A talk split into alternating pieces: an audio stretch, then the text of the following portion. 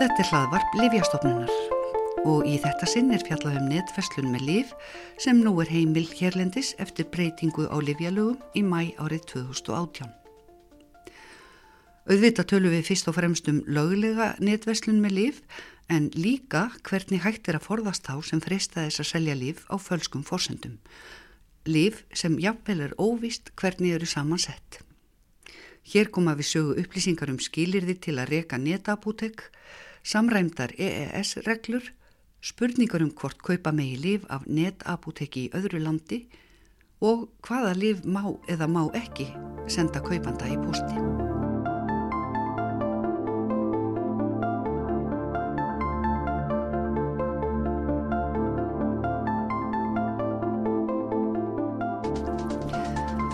Almennt talað eikst netverslun í heiminum jamt og þétt.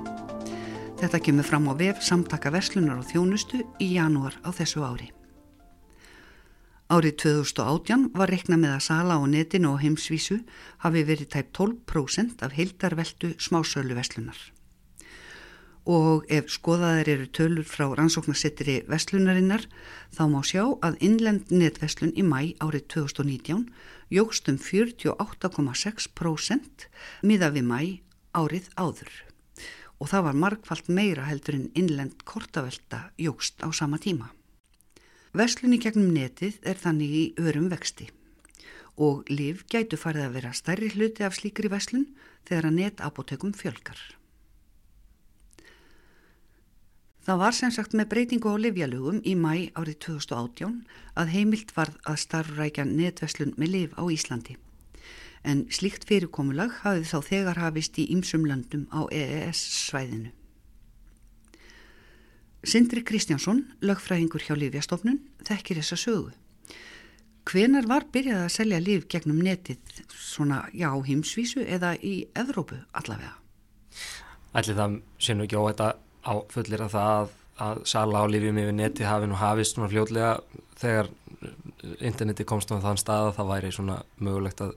að framkama það með einum öðrum hætti. Þannig að það er einhverju kannski myndi örglega á þetta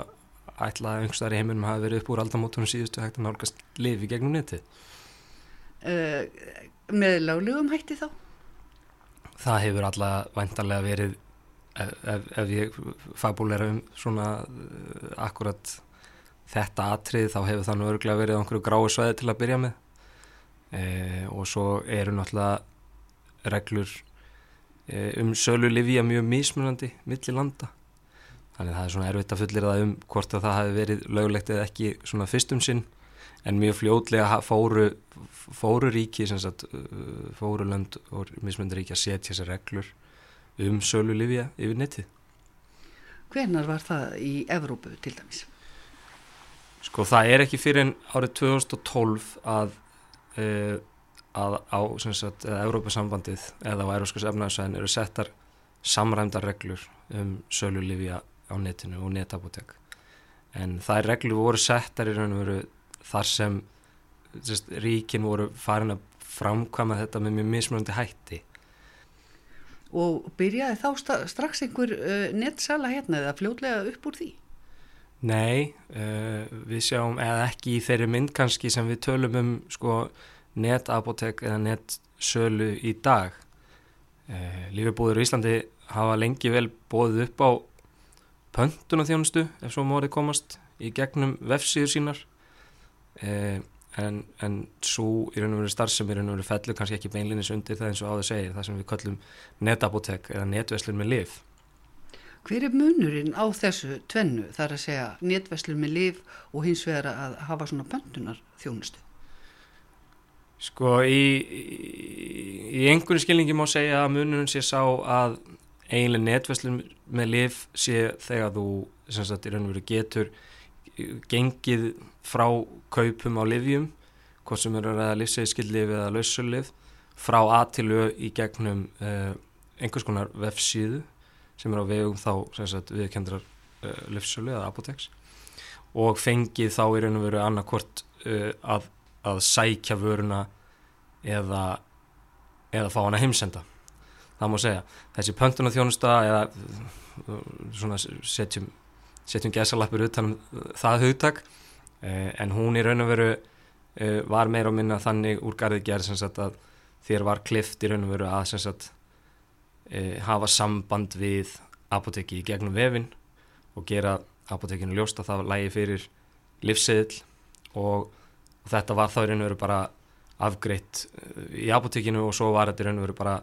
og, og þetta er þjónustu raun og veru sem mörg apotek bjóða upp á enn þann dag í dag það er að segja svona heimsendingu þjónustu En, en netverslunin, er þá,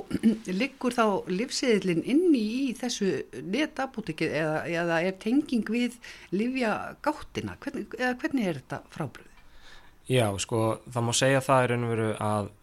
e, eins og náttúrulega fyrirleikur í Íslandi og, og náttúrulega mjög víða og eða lands það eru allavega hínu vestrana heimi í dag að þá náttúrulega eru livselar á megnu tilordni rafrænir. Það er að segja ávísandi læknið að sá sem ávísa getur sérst, hann ávísar þessum rafrænum hætti.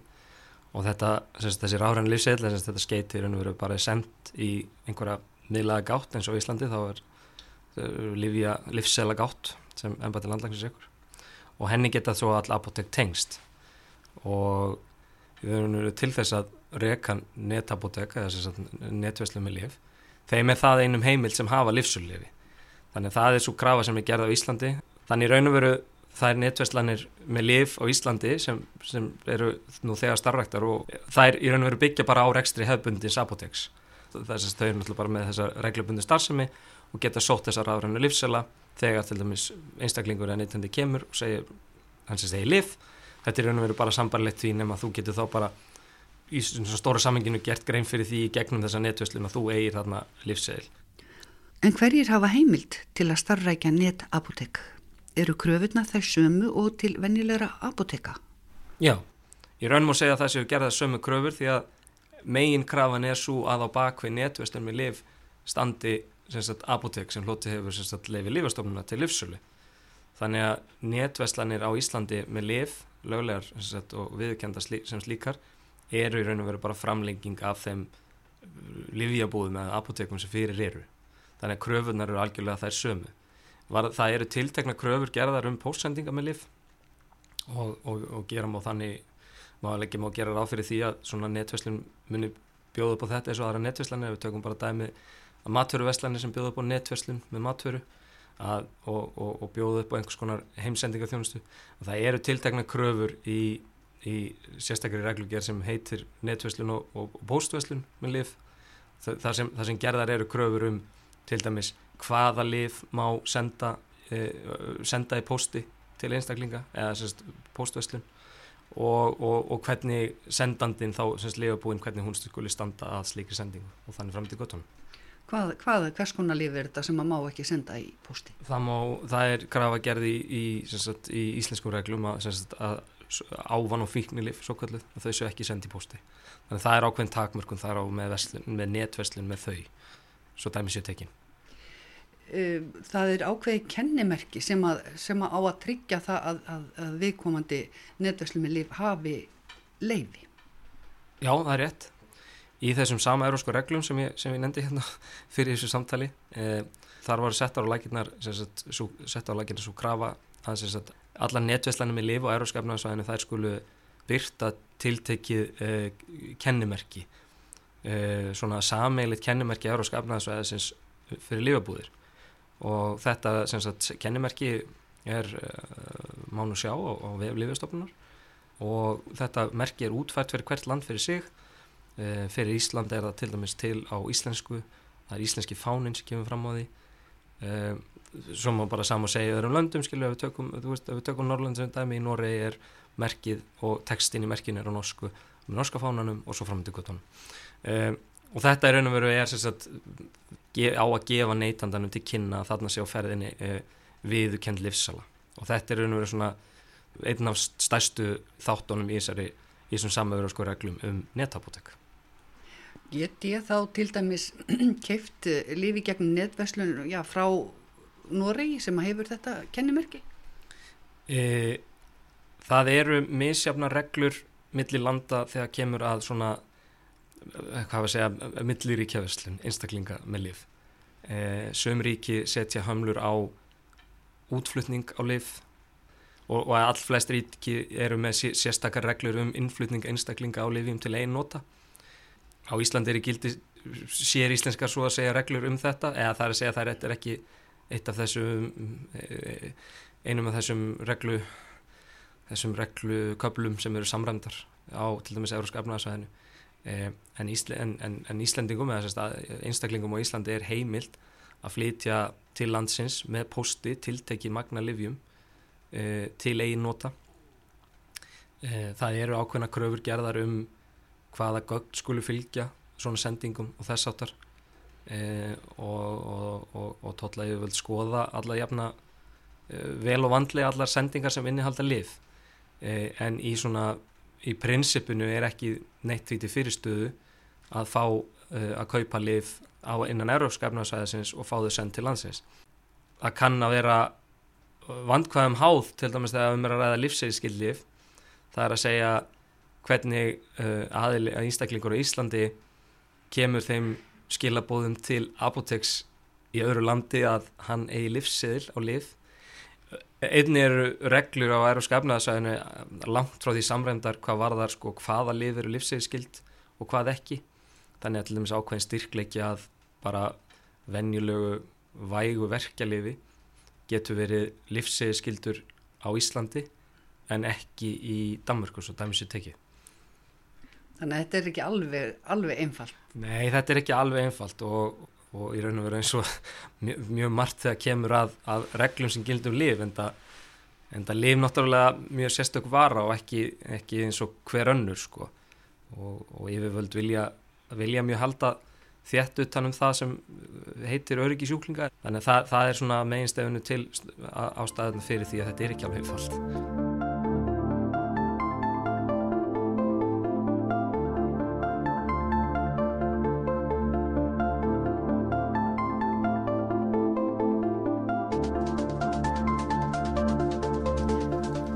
Já, þetta var sem sagt um löglega hlutan um netveslun með líf en það er margt að varast á netinu í þessu sambandi. Óbrúknir aðilar voru fljótir að sjá möguleika á að vesla ólöglega með lífi gegnum netið. Hvernig er fylst með svoleiðis hlutum? Það eru ymsir aðilar sem hafa, hafa það hlutverk að fylgjast með slíku. E, Líf eru gerðnan bóðin til kaups á, með ólögmætum hætti á netinu eins og, og frektir orðið og og þess vegna hefur Lífastofnun lagt mjög ríka áherslu á það að, að einstaklingar gæti varúðar við að kaupa lif á netinu, á internetinu. Og, og Lífastofnun hefur vakið aðtikli á þessu sameinlega kennimerki sem á að vera til marg sem það að, að þarna sé löglegur aðili á ferðinni. Og ef að þess og, og ráleggingar Lífastofnunar eru í þá veru að ef, ef, ef að einstaklingur er að velta fyrir sér að kaupa lifum netið að vösla þau yngung af þessum aðilum. Varandi spurninguna hvernig fylgst með þessu e, það eru eins og ég sagði það eru ímsir aðala sem er að, að fylgjast með þessu. Það er náttúrulega Lífjárstofnun gegnir það ríkur hlutverki e, bara vegna eftirlitskildu sína samkvæmt lífjárlugum e, Lífjárstofnun fær mikið ábendingum um meinta ólögulega livsölu e, það sem það sem til dæmis ef að tökum dæmi það sem Lífjárstofnun gerir ef ábending best um að á til dæmis íslensku léni á einhverju síðu sem endar á léninu í.is þau, tólutæki sem lífastofnun hefur í þeim efnum er í raun og veru það að, sagt, að í raun og veru bara að upplýsa e, hýsingaræðilan hér á landi e, annarkvort þá hérna, internet á Íslandi, ISNIC eða þá ef að hýsingaþjónustan er Íslands fyrirtæki um að óluleg starfsemi farið þar fram beina því til þeirra og, og, og í raun og veru bara höfða til samvinsku þeirra sem þessara rekstraðala eða við höfum öðlast ákveðna reynsli því að, að, að beina svona málu til lauruglu uh, bara með bæði góðum árangri en líka engum því að sagt, þetta náttúrulega kemur niður á sko, hvað að segja tjáningafrelsi á internetinu að vera að, uh, að, að grípa inn í slíkt. Og þannig að við höfum, við höfum, við höfum bara alla flórunna að dæmi þessum efnum Hvað var þar ólöglega sölu um netið þar sem að lénið er í öðru landi, þá hefur Lífjastofnun ekkert yfir þeim að segja. Væntalega þó þarlend yfirvöld. En nú eiga Lífjastofnunir í Evrópi í miklu og nánu samstarfi. Er einhver samvinna um þessi mál að reyna að taka á ólöglegri nettsölu? Já, það er, það er á vegum, þegar hún nefnir Lífastofnun Európu, þar eru, þar er svona starfrækt svona, hvað við segja, samstagsnett stofnana, en í aðaltilgangur þar er einhverju bara skiptast á upplýsingum e, og, og, og, og deila þekkingu, e, en jú, það er svona eftirlitshópur þar sem er að, er að horfa þetta, en það er kannski líka verðt að nefna, það er kannski líka í starra samminginu við sko livja falsanir sem er náttúrulega alveg stort vandamál út af fyrir sig líka sko, sem alltaf hefur verið að, að berjast við um við að veröld er skipulegu glæpastar sem hún er með hún er með augun á lifið fölsun það er, það hefur lengi verið uh, þegar kemur að því og þegar ég segi lifið falsani þá er raun og verið að tala um sem sagt bara venjuleg uh, hefbundin liv sem eru með einu með öðrum hætti komið inn í þess að löglegu dreifingakeiðu það er að segja fölsuð. En líka það sem livjum hefur verið stólið lögmættum livjum hefur verið stólið og þeim hefur verið beint í aðrar áttir og þá í raun og veru er ógerningur að tryggja uh, gæðið þeirra og hreinleika á þannig framöndu göttunum. Þarna er greinlega margt að varast en hvað var þar kaup livja í gegnum netið þá á sameigilega kennemerkið að tryggja öryggi, vera eins konar öryggisvendill. Merkið er ferningslaga grunnleitur kvítur, efst eru grænar láréttar rákir með kvítum krossi og vinstra megin, efst hjá grænni áleitrun, er þjóðfáni þess ríkis sem staðfest hefur heimilt fyrir starfsemi neta apúteksins. Þið geti fundið þetta merki á vef Lífjastofnunar. Helsti tilgangur þess er, það er að tryggja þetta. Það er að tryggja það að, að varan sem þú sért að kaupa sé, sko, hún sé örug og lögmætt og aðilin sem þú ert að kaupa hafi leifi og sé þess bæri að selja liv því að það er eins og segi varðandi lifiðadreifing er, er ekki einfalt fyrirbæri. E, það eru gerða mjög gríðarlega ríka kröfur til, e, til reykjanleika til þess að tryggja öryggi og gæði livjana og bara enn og aftur bara beina því til allra þeirra sem er að skoða lifaköpi gegnum neti að hafa þessi atrið í huga. Svona rétt í lokin, það er náttúrulega alltaf verið að segja okkur fréttir af, af hökkurum þeim sem er að, að brjótast inn í net þar sem þeir eiga ekkert erindi og, og gera þar einhvern óskunda. Eh, hvað með eh, netverslun með lífi, er, er einhver mikil hætta þar á ferð varðandi þetta? Ég held að það sé óvægt að segja að hættan sé alltaf til staðar. Það er raun og veru bara eðlið þessara samskiptaðu myndineti er bara með þeim hætti að og eins og við náttúrulega bara allir hafa séð á undanfjöndum árum að, að það eru engin, engin kerfi fullkomlega örug e, það eru aftur á móti ákveðni varnaglar einbyggðir í reglurnar um með sammeila kennumerkið e, það, það, það, það liggur fyrir að, að sérst, sérst, ef við tökum dæma í Íslandi að Livjastofnun útlutar ekki merkinu til neitna aðila e, nema þeir hafi sérst, við, viðkenningu sem Livjaveslun, lögumætt Livjaveslun og og til þess að útskýra það aðeins nánar að því að sumið myndi halda að ég get nú bara fundið þetta merki hver sem er og átt við það og, og, og, og setta bara fram á mínum við á þess að hafa hlotið að þá er raun og veru er, sagt, er samsvörun í merkinu við vef lífjastofnunar það er að segja það, það eru, svo krafa er til staðar fyrir þá sem sagt, hafa hlotið viðkynningu sem netabótek og byrta þetta merki að með því að smetla á merkið, smetli neytandin á merkið og færist hann yfir á veflífastofnun þar sem hægt er að sjá e, þessa aðila sem hafa hlutið þessu viðkynningu. Þannig að það er svona speiklun þannig á milli. Speiklun og tenging úr merkinu á vef neta á pútaksins yfir á vef Lífjastofnunar á síðu sem heitir Listi yfir netabútek og þá getur við verið vissum að viðkomandi hafi heimild til lífsölu í gegnum netið. Á þessari síðu sérst að þegar hér er komið sögu hefur eitt netabútek fengið staðfestingu Livjastofnunar. Til að eiga viðskipti við netabútekið þarf að fara inn á lokað svæði með rafrænum skilríkjum.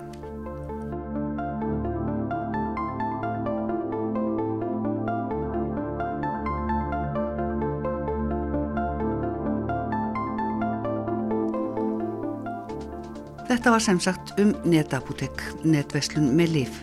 og það var Sindri Kristjánsson, lögfræðingur hjá Lífjastofnun sem að fræta okkur um það sem því við kemur. En þar með er þessu lokiða sinni. Takk fyrir að hlusta á hlaðvarp Lífjastofnunar.